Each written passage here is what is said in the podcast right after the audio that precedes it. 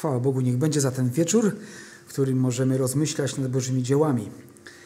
E, dużo mówimy o pewnych faktach historycznych w taki czas jak Wielkanoc, czy święta, tak zwane święta Bożego Narodzenia, czy Narodzenia Pana Jezusa. Mm, e, dzisiaj nie chcę zajmować się za bardzo faktami, wydarzeniami, ich kolejnością. Kiedy rozważałem w swoim sercu, czym mogę się dzielić, właśnie w ten wieczór dzisiejszy, to ten werset, który został przed chwileczką odczytany, był takim jednym z pierwszych wersetów, który przyszedł mi na myśl, zaglądając w różne miejsca też Bożego Słowa, który zrobił na mnie takie właśnie od razu bardzo szczególne wrażenie.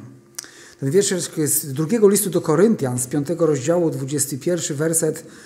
Czytamy, że On tego, który nie znał grzechu, za nas grzechem uczynił. Zazwyczaj my jako ludzie wolimy się wybielać. Wolimy mówić o sobie lepiej niż jest w rzeczywistości. Kiedy ktoś mówi o nas coś niewłaściwego, to nawet wtedy, jeśli nawet by było to prawdą, czasami człowiek próbuje i tak zaprzeczyć i znaleźć dowód, że tak nie jest. Natomiast właśnie to zdanie e, z Bożego Słowa, które mówi, że tego, że On, czyli Bóg Ojciec, tego, który nie znał grzechu, czyli swojego Syna, który z natury też był Bogiem, za nas grzechem uczynił. E, to jest niezwykłe, że i to już było też wspominane, w jakiś sposób, że kiedy byliśmy zbuntowani przeciwko Bogu, e, we właściwym czasie Chrystus umarł za bezbożnych. Prędzej za sprawiedliwego gotów ktoś oddać życie. Tymczasem Pan Jezus, kiedy umarł dużo wcześniej niż myśmy e, się pojawili na ziemi za, na, za nasze grzechy, ujmując swoją śmiercią również grzechy nas wszystkich. E, I e, te wersety, które przychodziły do mojego serca, które odnajdywałem w Bożym Słowie, tymi chciałem się właśnie, dzisiaj podzielić. Te wersety będą mówiły o Bogu Ojcu, który obmyślił pewien plan. Te wersety będą mówiły o wykonawcy tego planu, czyli o Synu Bożym, o Panu Jezusie Chrystusie. Te wersety będą mówiły też o pewnym sposobie, w jaki nasze, w jaki nasze zbawienie się dokonało, sposobie, pewnej metodzie działania, która była konieczna i jedynie słuszna i właściwa.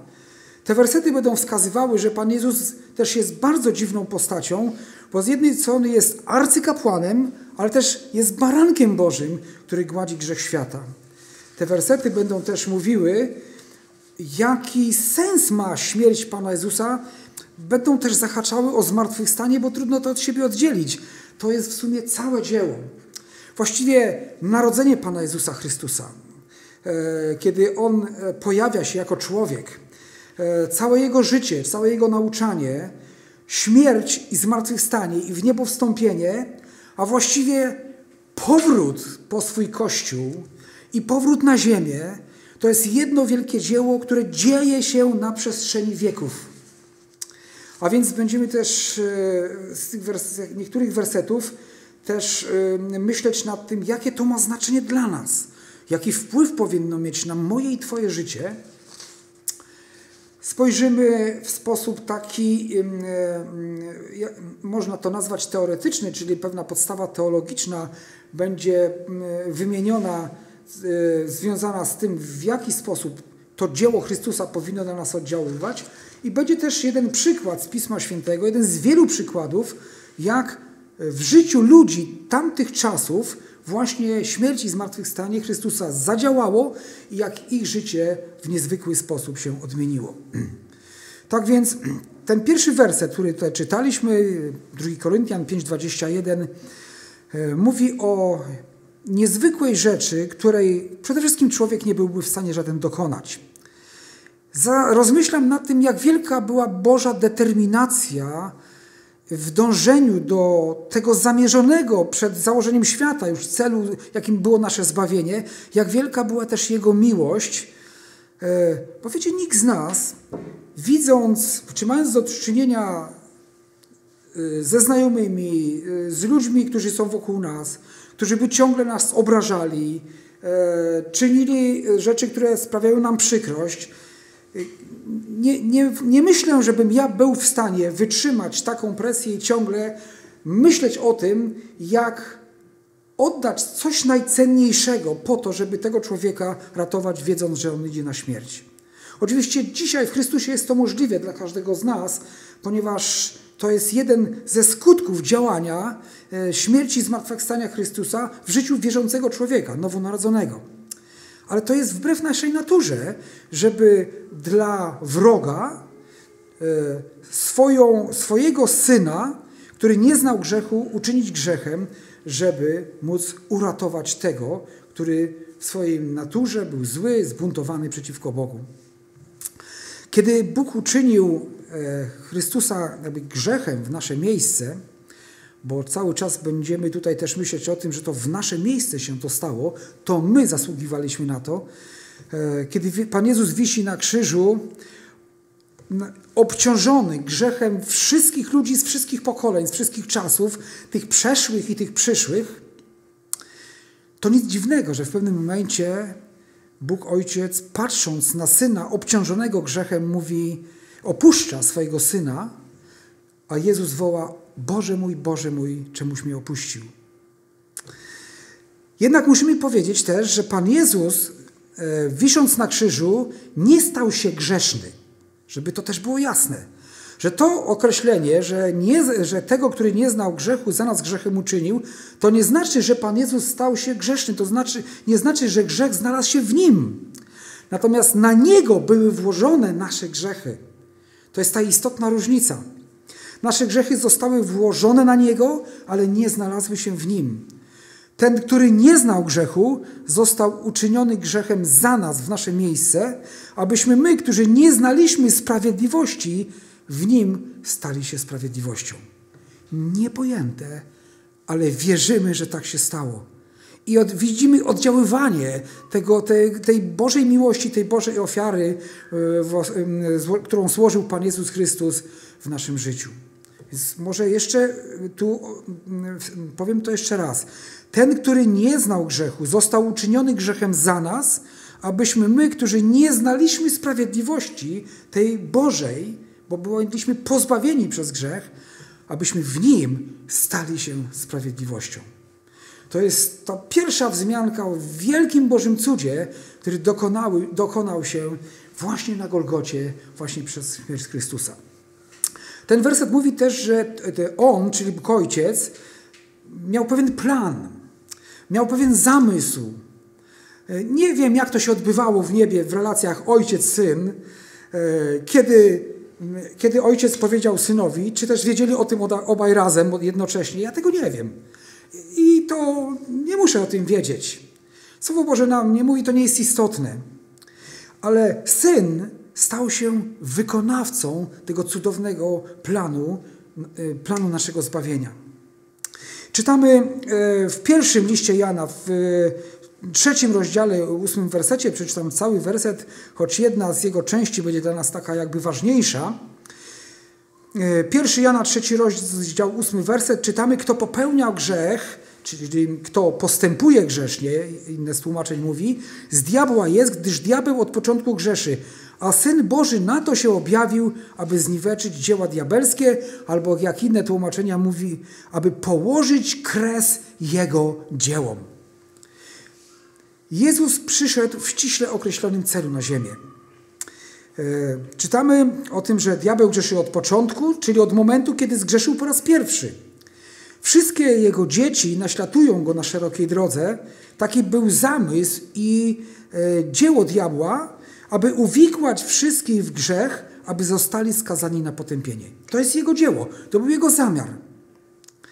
I poprzez nieposłuszeństwo człowieka, już w ogrodzie Eden, Adam i Ewa to uczynili, pozwolili diabłu na zrealizowanie tego planu. Można by może w taki sposób to powiedzieć.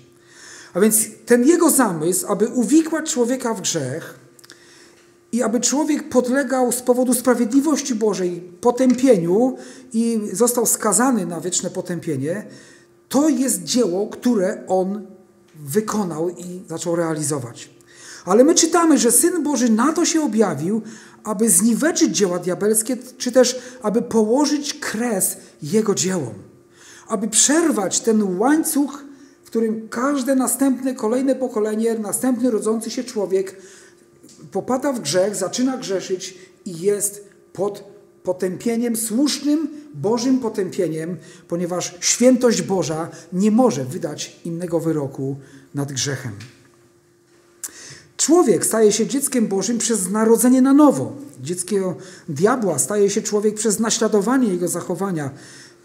Co ciekawe i to ważne, ważne, myślę, żeby też pamiętać, że w Biblii nie ma mowy o żadnym urodzeniu dzieci diabelskich.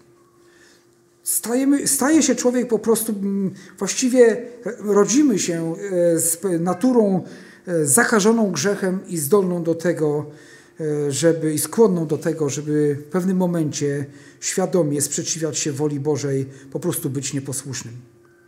Tak więc wiemy o tym, że Syn Boży przyszedł i na to się objawił, aby zniweczyć dzieła diabelskie. To był ściśle określony cel. To nie było coś, co pojawiło się po drodze że Pan Jezus przyszedł na ziemię, jakby nie wiem, w jakimś innym celu nagle okazało się, że sytuacja jest zbyt trudna, więc trzeba zmienić plan. Taki plan był od początku, przed założeniem świata. On miał się objawić, aby zniweczyć dzieła diabelskie. Um, czytamy też o tym, że ten plan, który miał ojciec, e, że, e, żeby tego, który nie znał grzechu, za nas grzechem uczynił, że ten plan nie był w żaden sposób przymusem dla Pana Jezusa. W Ewangelii e, Jana w 10 rozdziale, wersety 17 i 18, czytamy bardzo taką ciekawą rzecz w związku, e, związaną z tą kwestią. E, Jana 10 rozdział 17-18 werset. Dlatego Ojciec miłuje mnie, iż ja kładę życie swoje, aby je znowu wziąć. Nikt mi go nie odbiera, ale ja kładę je z własnej woli. Mam moc dać się i mam moc znowu je odzyskać. Taki rozkaz wziąłem od Ojca mego. Od razu należy powiedzieć, że takiej rzeczy nie mógł, e, mógł dokonać tylko Jezus i to tylko dlatego, że jest Bogiem. E, ojciec zawsze miłował swojego syna, szczególnie wtedy, gdy podjął on dzieło zbawienia. Szczególnie dlatego, że swoje życie zechciał, zechciał złożyć w ofierze e, zastępczej e, z powodu naszych grzechów, aby też potem je wziąć. Oczywiście to, że tu jest napisane, że ojciec miłuje mnie, to nie jest tak, że miłuje go tylko dlatego, że Pan Jezus spełnia jego wolę. Ojciec zawsze miłował syna. Ale myślę, że ta świadomość dla Pana Jezusa, że Ojciec miłuje mnie jako syna człowieczego, który w ludzkim ciele, jako człowiek, przebywał na ziemi, była dla niego też bardzo ważna. Że gdy miałbym do wykonania jakieś trudne zadanie od mojego ziemskiego ojca, wiedziałbym, że nie ma innego wyjścia, ale muszę tak uczynić, żeby pewną rzecz osiągnąć, żeby zmienić bieg pewnych wydarzeń, to ta świadomość, że ojciec, który mi każe robić taką rzecz trudną, miłuje mnie, byłaby dla mnie bardzo posilająca i pocieszająca. I myślę, że Pan Jezus jako człowiek miał w tym wielkie wsparcie, ponieważ on wiedział, że jego ojciec go miłuje. I tu czytamy, że jest taka też zależność. Dlatego ojciec miłuje mnie, iż ja kładę życie swoje, aby je znowu wziąć. Że zgodził się Pan Jezus jako Syn Boży wykonać ten Boży zamysł, to była też taka, e, jeśli mówimy to o relacjach ojciec-syn, szczególna też miłość Ojca, Boga Ojca do swego Syna, że to dzieło zechciał również wykonać. Ale Pan Jezus mówi, że nikt mu tego życia nie odbiera, że czyni to z własnej woli. E, taki rozkaz wziął od Ojca. E, czynił to z rozkazu Ojca, lecz z własnej woli. Wiecie, jak się nad tym zastanawiam, znowu to jest dla mnie trudne do ogarnięcia. Żeby wykonywać rozkaz, ale z własnej woli. Najczęściej my tam znamy prawdopodobnie te sytuacje z pracy, e, ze szkoły, e, z domu, kiedy rodzic jako e, zwierzchnik dla swoich dzieci, szef w pracy, jako zwierzchnik w pracy, nawet w wojsku czasami się, ja byłem w wojsku kiedyś, to też takie rzeczy się gdzieś tam słyszało, że kiedy przychodził przełożony, wydawał rozkaz, to z zaciśniętymi zębami się go wykonywało.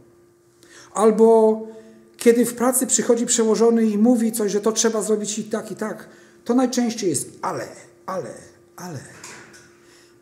Ale w przypadku Boga Ojca i Jego Syna Pana Jezusa Chrystusa nie było żadnego ale. Kiedy tylko Bóg Ojciec pomyślał, chcę ich uratować z powodu ich grzechu, Syn pomyślał, chcę pójść i to zrobić.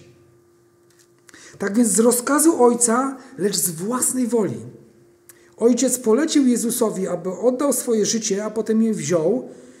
I to jest ten kluczowy element dzieła zbawienia. Nikt nie był w stanie odebrać mu życia. Żaden człowiek. To nie było tak, że Piłat mu e, odebrał życie przez, przez wyrok. To nie było tak, że go pojmali dlatego, że przyszli jak zgraja przyszła z mieczami, z kijami, wrogo nastawieni. To nie było, nie dlatego jego życie potem e, e, zostało fizycznie zakończone na krzyżu Golgoty, że, że Judasz przyszedł. Przecież Pan Jezus to wszystko wiedział i mógł się wymigać. Mógł uniknąć tej sytuacji. Ale on po to się objawił, aby zniweczyć dzieła diabelskie, aby położyć im kres. On przyszedł po to, ponieważ taki rozkaz wziął od Ojca. I on przyszedł dlatego, że chciał oddać życie w posłuszeństwie Ojcu, ale też za mnie i za Ciebie. Nasz kochany Zbawiciel to chciał. I widzicie to, co? On to zrobił. Po prostu to zrobił. I kiedy do tego momentu doszedłem, to było to, co teraz. Kiedy pisałem to swoje, to, to, te, to, te myśli, które Bóg dawał do mojego serca. I napisałem tak. I zrobił. I mnóstwo wykrzyknów. Halleluja, chwała Jezusowi, że On to dla nas zrobił. Wybaczcie, dla łajdaków, dla złodziei, dla ludzi nieczystych serc nieczystych myśli nieczystego języka. Właśnie Pan Jezus to zrobił. Dlatego dzisiaj możemy być na tym miejscu. Dlatego możemy spotykać się jako Kościół.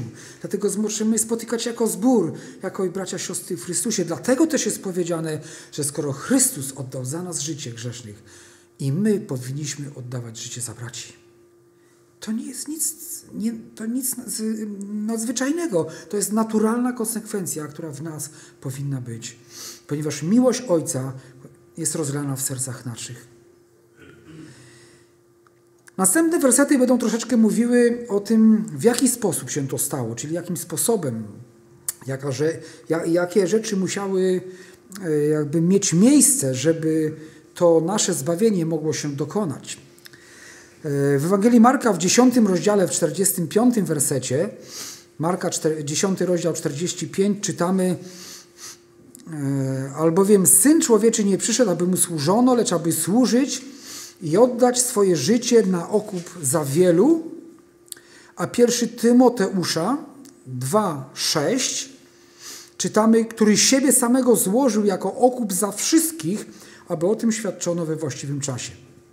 Tak więc w Ewangelii Marka czytamy, że złożył okup za wielu, ale to wielu oznacza, zgodnie z pierwszym do Tymoteusza 2,6, że za wszystkich.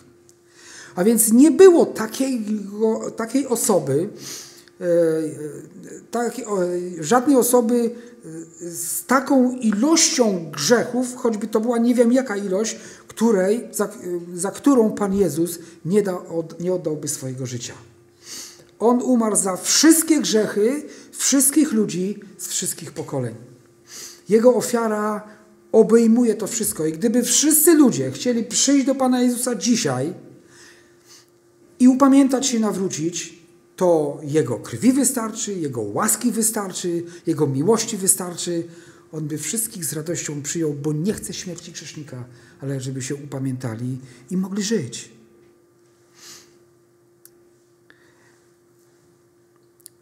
Dlaczego potrzebny jest okup? Kiedy się żąda okupu, kiedy potrzebny jest okup. Kiedy ktoś jest pojmany, kiedy ktoś jest uwięziony. Często nawet jest tak, że słyszymy nieraz, ktoś został porwany dla okupu, dla pieniędzy. Ale tutaj troszeczkę jest głębsza sytuacja, ponieważ zapłatą za grzech jest śmierć. Nie, ma, nie może być innego wyroku Bożej sprawiedliwości, ponieważ gdyby Bóg e, powiedział, e, no dobrze, no wiem, że nie dajecie rady, więc e, na niektóre rzeczy przymknę oko, to by oznaczało, że tak naprawdę akceptuje grzech. To było niemożliwe. Wyrok musiał być, zapłatą za grzech jest śmierć. I to jest ta diabelska pułapka, w której się znaleźliśmy. Dlatego Bóg, on od dawna wiedział, nie wiem od kiedy, od dawna, od zawsze, przed założeniem świata czytamy, zostało zbawienie przygotowane i on wtedy wiedział, jak wyratuje człowieka. I ponieważ sprawiedliwość Boża żądała śmierci za grzech, więc ta śmierć musiała mieć miejsce. I tym, tym, który zdecydował się przyjść, będąc niewinny, właśnie za nas ludzi, był Pan Jezus. I czytamy o nim, że on jest tym, który wyprowadził jeńców i ludzi darami obdarzył. Że on jest tym, których skazanych, skazanych na śmierć zatrzymał, odmienił dzieła diabelskie, zakończył ten czas, e, w którym nie było jakby wyjścia z sytuacji. Otóż w nim jest wyjście z sytuacji. Zaprzedani zostaliśmy grzechowi i z tego powodu zaprzedani zostaliśmy śmierci. Wykupieni zostaliśmy za cenę ofiary złożonej na krzyżu w osobie Pana Jezusa Chrystusa. On siebie złożył, nikt go, e, nikt, to znaczy to nie było tak, że ktoś go w ofierze złożył. On złożył siebie. I czytamy, że który siebie samego złożył jako okup za wszystkich, aby o tym świadczono we właściwym czasie. Myślę, że to jest też bardzo ważne. To nie Piłat go wysłał tak naprawdę, to nie ludzie go tak naprawdę pojmali, to przyczyną jego śmierci był nasz grzech, ale to on siebie wydał na śmierć jako okup, żeby nas wykupić z, diabelskich, z diabelskiej pułapki. Aby o tym świadczono we właściwym czasie. Ten właściwy czas na świadczenie o tym jest właściwy od momentu, kiedy się to wykonało. To jest ten właściwy czas i, i tak naprawdę każda chwila jest właściwym czasem. Ten właściwy czas jest dotąd, dopóki trwa łaska Boża, dopóki Kościół jest na ziemi, dopóki nie zakończyło się jeszcze e, ten, ten czas łaski i, i e, to, to wylanie Ducha Świętego, cały czas jest to ten właściwy czas, aby mówić o cudownym Zbawicielu, który złożył siebie z własnej woli, z rozkazu Ojca, w całkowicie, całkowitej zgodzie ze swoim Ojcem, jako okup za nas wszystkich. Tak więc sposobem na wyratowanie nas było złożenie okupu.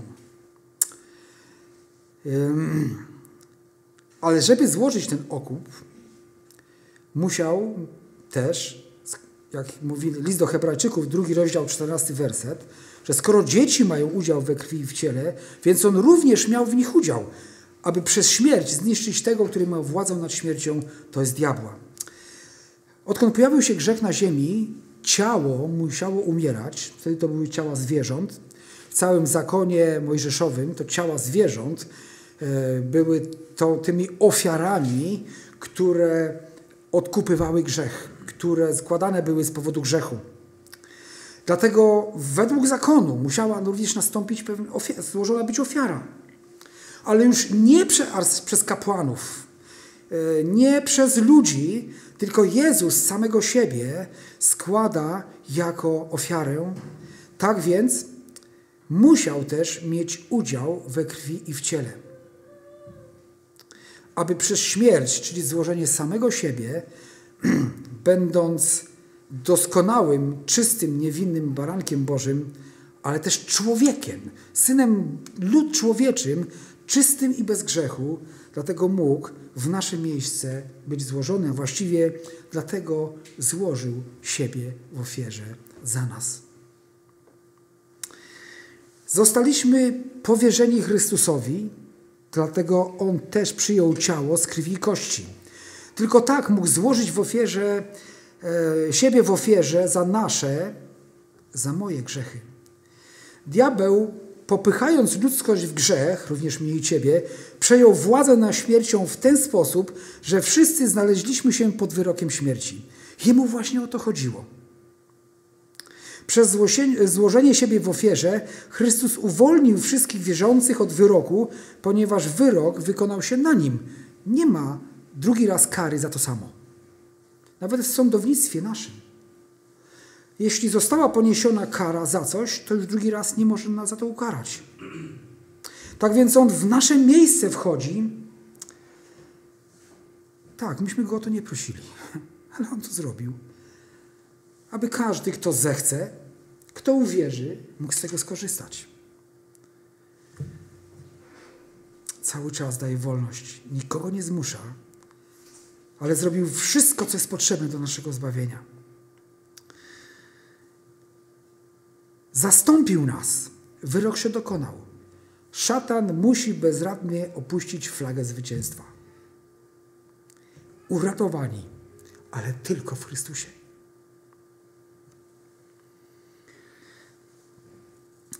Chciałbym jeszcze dalej coś więcej przeczytać o tym, jaki, jaki proces uniżenia przeszedł Pan Jezus, żeby móc tego dokonać. I tu mamy ten, to klasyczne miejsce z listu do Filipian z drugiego rozdziału.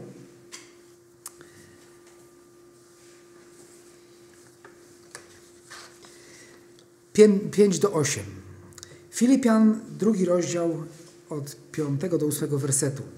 Takiego bądźcie względem siebie usposobienia, jakie było w Chrystusie, Jezusie, który chociaż był w postaci Bożej, nie upierał się zachłannie przy tym, aby być równym Bogu lecz wyparł się z samego siebie, przyjął postać sługi i stał się podobny ludziom, a okazawszy się z postawy człowiekiem, uniżył samego siebie i był posłuszny aż do śmierci, i to do śmierci krzyżowej. I Hebrajczyków 2,9 uzupełnia tą myśl i mówi: Widzimy raczej tego, który na krótko uczyniony został mniejszym od aniołów, Jezusa, ukoronowanego chwałą i dostojeństwem za cierpienia, cierpienia śmierci, aby z łaski Bożej zakosztował śmierci za każdego. Czytamy tutaj, że był w postaci Bożej. Ten, to, to określenie mówi, że był Bogiem z natury. E, czasami e, są takie twierdzenia, że skoro jest synem, to nie jest Bogiem. No ale czy mój syn nie jest człowiekiem? Jest synem, ja jestem ojcem. Ale ja jestem człowiek, a on jest, też jest człowiekiem, bo się urodził z człowieka. A więc by, był w postaci Bożej. Będąc synem, to my nie pojmiemy tego, w jaki sposób Pan Bóg zaistniał w trzech osobach. Właściwie w ogóle co to, nie jesteśmy w stanie ogarnąć, co znaczy, że On nie ma początku ani końca. No, końca to może jeszcze, ale początku, żeby nie miał, to jest w ogóle coś poza naszym sposobem, y, zdolnością pojęcia pewnych rzeczy. Ale tu czytamy tak. Był w postaci Bożej. Na krótko został uczyniony mniejszym od aniołów. Nie dlatego, że go ktoś zmusił, tylko dlatego, że się zgodził. A więc był w postaci Bożej, ale kiedy powstał ten cudowny plan, aby nas zbawić, to nie upierał się zachłannie przy tym, aby być równym Bogu, jeśli chodzi o pewną pozycję, o pewne E, o pewnym, no może zakończmy na tym słowie, o pewną pozycję, którą zajmował w niebie. Lecz wyparł się samego siebie, zrezygnował z równości Bogu, ponieważ przyjął postać sługi i stał się podobny ludziom i okazał się z postawy człowiekiem.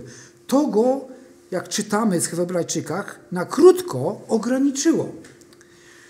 Myślę, że dlatego Pan Jezus mówi pewne rzeczy o tym, że e, ojciec wie, a ja nie wiem. Bo może mówił jako syn człowieczy. Jest to jedna z bardziej takich zagadkowych, przynajmniej dla mnie, wypowiedzi Pana Jezusa. Ale zobaczcie, był w postaci Bożej, nie upierał się, by być równym Bogu, zrezygnował ze swojej pozycji, jaką miał w niebie, pełne chwały i, i, i Bożej chwały, jaką posiadał, przyjmuje postać sługi, stał się podobny ludziom i okazał się człowiekiem, a więc ograniczył się ludzkim ciałem i ludzką naturą, ale mało tego. On się nie zatrzymuje w tym miejscu. Również jako syn człowieczy, jako człowiek, uniżył samego siebie i był posłuszny aż do śmierci, i to do śmierci krzyżowej, a więc jako syn człowieczy również okazał się absolutnie posłuszny i do, uniżenia takiego, że w hańbie umiera za nasze grzechy.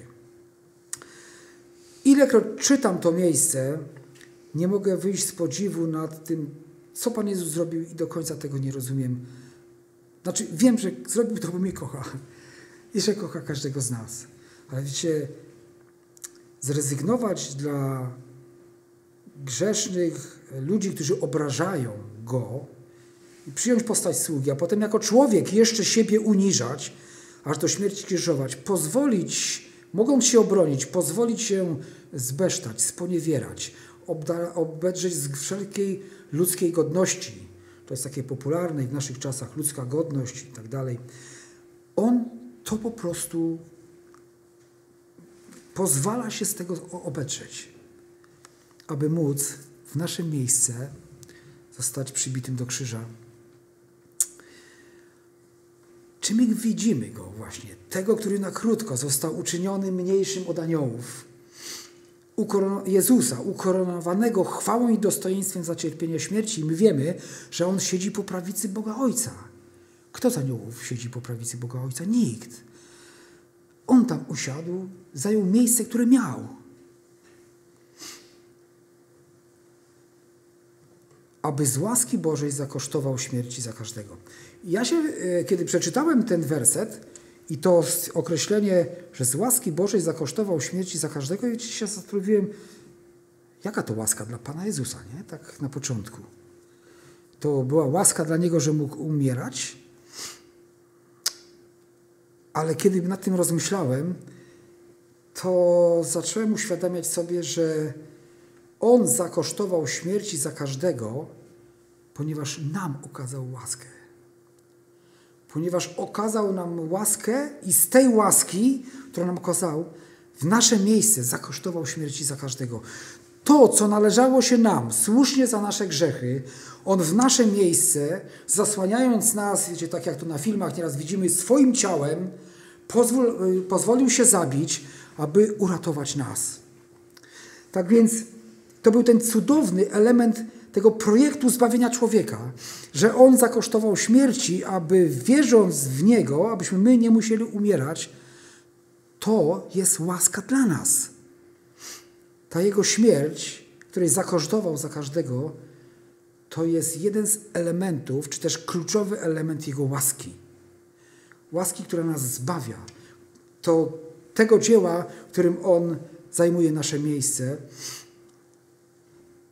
aby w swojej niewinności móc wziąć grzechy nas wszystkich i po prostu ten list obciążający, dłużny list, przybić go do krzyża.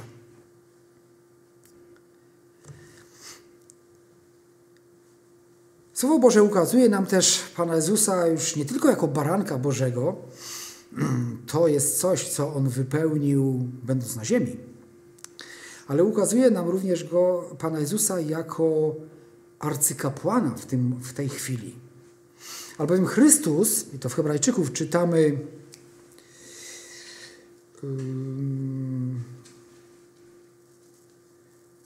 dziewiąty rozdział, 24 do 28 wersetu, albowiem Chrystus nie wszedł do świątyni zbudowanej rękami, która jest odbiciem prawdziwej, ale do samego nieba, aby się wstawiać teraz za nami przed obliczem Boga. Nie dlatego, żeby wielokroć ofiarować samego siebie, podobnie jak arcykapłan wchodzi do świątyni co roku z cudzą krwią, gdyż w takim razie musiałby cierpieć wiele razy od początku świata, ale obecnie objawił się on jeden raz u schyłku wieków dla zgładzenia grzechu przez ofiarowanie samego siebie, a jak postanowione jest ludziom raz umrzeć, a potem sąd, taki Chrystus raz ofiarowany, aby zgłaszać grzechy wielu, drugi raz ukaże się nie z powodu grzechu, lecz ku zbawieniu tym, którzy go oczekują. Ponieważ Pan Jezus, y, czy ofiara Pana Jezusa nie była tą ofiarą taką, jak w zakonie się wykonywało, czyli to nie było zwierzę składane, więc jego śmierć była też, miała miejsce w innym miejscu, nie było to na dziedzińcu świątyni, ale było to e, gdzieś poza miastem.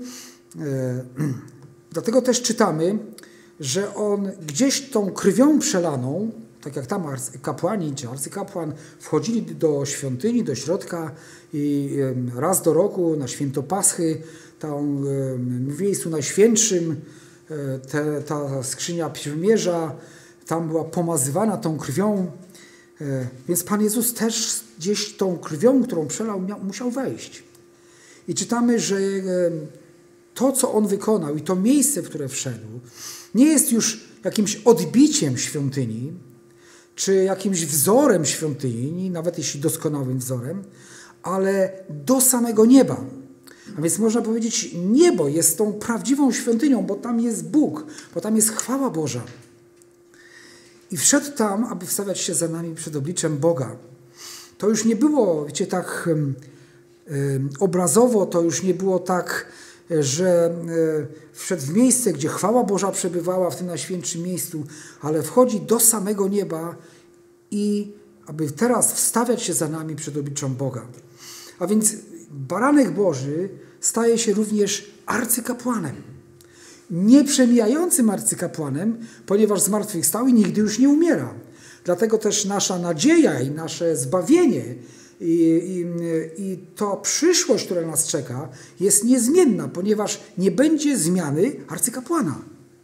Tamci umierali, a ten żyje na zawsze. I wykonał to swoje dzieło raz na zawsze. Nie, nie zrobił tego, żeby powtarzać tą swoją ofiarę.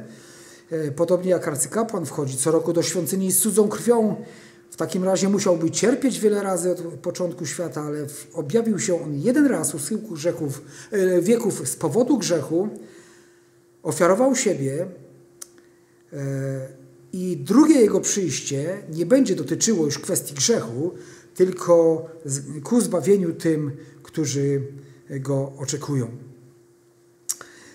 E, my wiemy, że są takie teorie czy takie doktryny, które mówią, że Pan Jezus E, za każdym razem w pewnych obrządkach religijnych umiera i staje się ciałem, i staje się krwią, i za, i za każdym razem cierpi. Ale to jest oczywiście fałszywa nauka. Pan Jezus raz cierpiał z powodu grzechu. Oczywiście On cierpi z powodu grzechu w każdym przypadku, kiedy my Go obrażamy grzechem, kiedy go, każdy człowiek w jakiś sposób obraża swoim grzechem i to jest z pewnością coś, co dotyka Chrystusa, a w szczególności, kiedy Jego dzieci popełniają grzech, to Słowo Boże mówi, że ci, którzy pewne rzeczy, w pewnych rzeczach zapędzają się, to tak jakby i, i żyją w niewłaściwy sposób, to tak jakby ponownie krzyżowali Chrystusa i, i że Duch Święty jest zasmucony, jeśli postępujemy w sposób niewłaściwy. Jednakże raz się objawił z powodu tego, żeby zgładzić nasz grzech i nie ma żadnych poprawek, bo poprawki są wtedy, kiedy coś jest nie tak. Natomiast śmierć Chrystusa była doskonała, ofiara Jego doskonała. Bóg Ojciec przyjął tą ofiarę, inaczej nie mógłby Pan Jezus wstąpić do nieba, gdyby nie złożył doskonałej ofiary i gdyby Jego życie nie było święte i doskonałe. Ale to wszystko Ojciec przyjmuje i dlatego my możemy być ułaskawieni, usprawiedliwieni przez Jego ofiarę i w Nim, Dlatego Pan Jezus wstępuje do nieba ze swoją krwią, do samego nieba i staje się arcykapłanem na wieki według porządku Melchisedeka, jak mówi e, list do Hebrajczyków, a więc nie na podstawie przepisów zakonu, tylko Bożego wyboru i Bożego postanowienia. Takim arcykapłanem stał się Pan Jezus. Objawił się u schyłku wieków, myślę, że można powiedzieć, gdy Stare Przymierze już jednoznacznie dowiodło bezsilności i upadku człowieka, wtedy we właściwym czasie Chrystus umiera za bezbożnych. Dla zgładzenia e, grzechów to nie jest już coroczne odkupienie poprzez ofiary ze zwierząt, teraz nadeszło wieczne przebaczenie. Kiedyś składane ofiary przywodziły na pamięć grzech, ale ofiara złożona, którą złożył Pan Jezus z siebie, przynosi wieczne przebaczenie grzechu. Właśnie przez ofiarowanie samego siebie tego Pan Jezus dokonał. Nasz grzech, ten obciążający list dłużny jest przybity do krzyża, jesteśmy uwolnieni. Gdyby, nie, gdyby tak nie było, że, że nasz grzech został przebaczony i zgładzony, to Bóg Ojciec by nas nie przyjął. Ale w Chrystusie jesteśmy święci i czyści. Bóg Ojciec tak patrzy na nas przez Pana Jezusa Chrystusa i widzi nas takimi, jak widzi swego Syna, wszystkich, którzy są prawdziwie w Chrystusie, którzy uwierzyli narodzili się na nowo. Tak więc, tak jak postanowione jest ludziom raz, raz umrzeć, a więc myślę, że nikt z nas nie ma wątpliwości co do nieprawdziwości teorii o reinkarnacji, o wielu życiach, to tylko w komputerze, w grach można się tak pobawić, ale to jest powiedziane raz umrzeć, a potem sąd tak postanowione. Tak więc i Chrystus raz ofiarowany, jego złożona ofiara jest skuteczna na zawsze, niekończąca się moc jego, jest jego ofiary, aby zgładzić grzechy wielu. Drugi raz już nie z powodu grzechu się ukaże. Czyli nie po to, żeby rozprawić się z kwestią grzechu, lecz ku zbawieniu tym, którzy go oczekują. Jego powtórne przyjście nie będzie spowodowane problemem grzechu, z tym uporał się raz na zawsze na krzyżu, przyjdzie po to, aby zabrać swój lud do nieba. To będzie dopełnienie ich zbawienia. Otrzymają nowe, uwielbione ciała, już na zawsze znajdą się poza zasięgiem grzechu. Jesteśmy w stanie sobie to wyobrazić? Być poza zasięgiem grzechu. Grzechu, który teraz nas męczy, który próbuje się ze starej naszej natury, z naszego ciała wdzierać się w nasze życie i działać przez w naszym umyśle, w naszych czynach, gestach, słowach, w wielu, wielu rzeczach. I czasami się tak dzieje, z czego jesteśmy zasmuceni i to nas boli. Poza zasięgiem grzechu. Te kwestie, tu trzeba powiedzieć, dotyczą wszystkich, którzy go oczekują. To znaczy ty, czyli tych, którzy narodzili się na nowo. Otrzymanie nowego ciała, uwielbionego ciała i na zawsze poza zasięgiem grzechu dotyczy tych, którzy są Jego własnością, którzy narodzili się na nowo. I teraz e, króciutkie jeszcze spojrzenie E, no, jak to powinno też działać w naszym życiu, nas wierzących.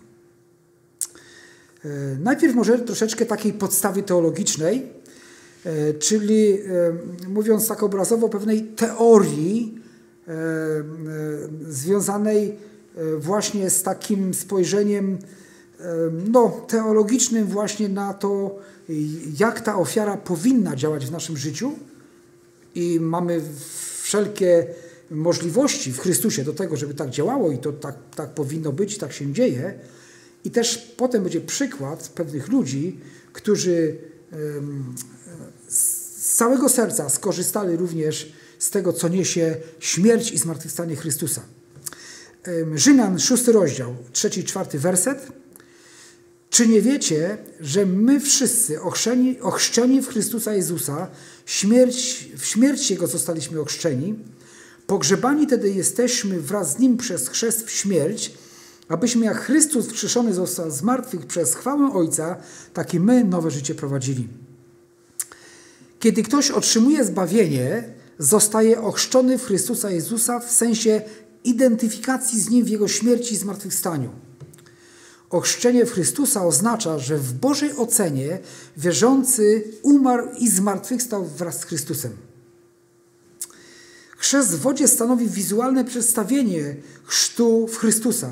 Chrzest wodny obrazuje zanurzenie wierzącego w osobie Chrystusa w ciemne wody śmierci oraz nowego człowieka powstającego do nowego życia. W pewnym sensie podczas chrztu wierzący bierze udział w pogrzebie swojego ja. Zanurzony pod wodę mówi: Wszystko, czym byłem jako grzeszny syn Adama, umarło na krzyżu. Wynurzając się natomiast mówi: Żyję więc już nie ja, ale żyje we mnie Chrystus. To jest to, co Bóg w Chrystusie stworzył dla nas i w nas. Zmartwychwstanie Chrystusa daje wierzącemu możliwość, abyśmy prowadzili nowe życie. I znowu Pan Bóg nie zmusi nikogo do tego. Mógłby nas uczynić świętszymi od aniołów. Ale to, co się stało e, poprzez śmierć i zmartwychwstanie Chrystusa, daje wierzącemu możliwość, abyśmy prowadzili nowe życie. W Jego śmierci i zmartwychwstaniu jest moc.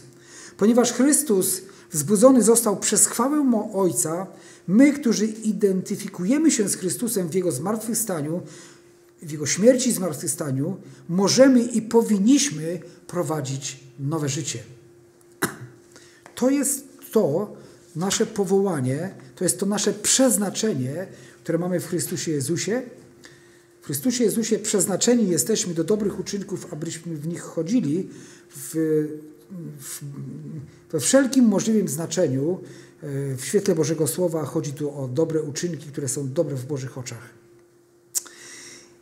I byli ludzie, nie tylko w tym miejscu, które ja przeczytam z list pierwszego do Tesaloniczan, wielu innych, ale to jest takie dla mnie bardzo klasyczne miejsce, pokazujące jak śmierć i zmartwychwstanie Chrystusa ma moc odmienić ludzkie życie.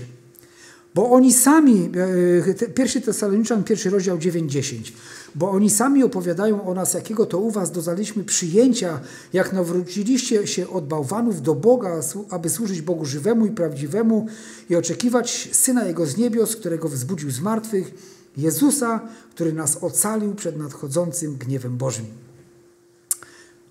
Tesaloniczanie byli ludźmi, którzy, tak jak wszyscy inni poganie w tamtym czasie, służyli bałwanom. Czytamy o tym w dziewiątym wersecie. Ja myślę, że oni byli bardzo gorliwi w służbie bałwanom. Że oni po prostu, nie, ma, nie znając niczego innego, właśnie tym bałwanom służyli, składali im ofiary. E, wszystkie obrządki e, prawdopodobnie e, związane z tymi kultami bałwochwalczymi. Ale kiedy przyszło dwóch ludzi do Filipi i opowiedzieli radosną nowinę o Jezusie Chrystusie, to oni zobaczyli i zrozumieli, oczywiście to się też stało za, za, za działaniem Ducha Świętego, zobaczyli, że to, czemu służyli, to była marność.